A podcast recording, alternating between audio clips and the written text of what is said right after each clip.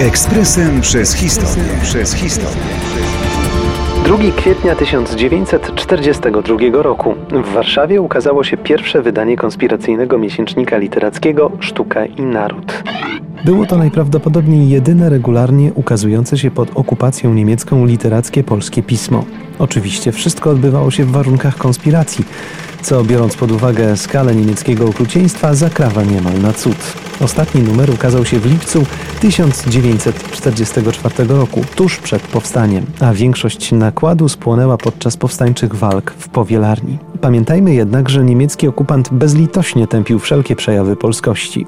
Kara za wydawanie pisma literackiego nie różniła się niczym od kary za wydawanie jakiegokolwiek innego pisma w konspiracji. Kiedy w kwietniu 1942 roku ukazał się pierwszy numer, cena jednego egzemplarza wynosiła 3 zł, a liczył on 22 strony. Najpierw stosowano powielacz, potem od jesieni 1943 już gazetę drukowano. Wystarczy prześledzić losy redaktorów naczelnych pisma, by zrozumieć, co Niemcy uczynili polskiej kulturze w tamtym strasznym czasie. Bronisław Kopczyński zmarł na Majdanku.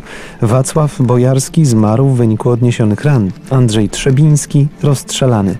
Wreszcie słynny Tadeusz Gajcy, który zginął 16 dnia powstania. Ogromna cena za chęć służenia polskiej kulturze. Mottem autorów pisma był cytat z Norwida. Artysta jest organizatorem wyobraźni narodowej. Choć młodzi poeci nawiązywali do przeszłości literackiej, to do społeczno-politycznego klimatu przedwojennej Polski mieli delikatnie mówiąc stosunek ambiwalentny. Krytykowali na przykład skamandrytów za miałkość ich twórczości, także za dobór tematów.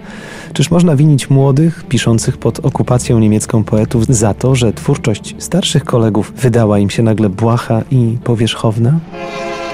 Ekspresem przez historię. Przez historię.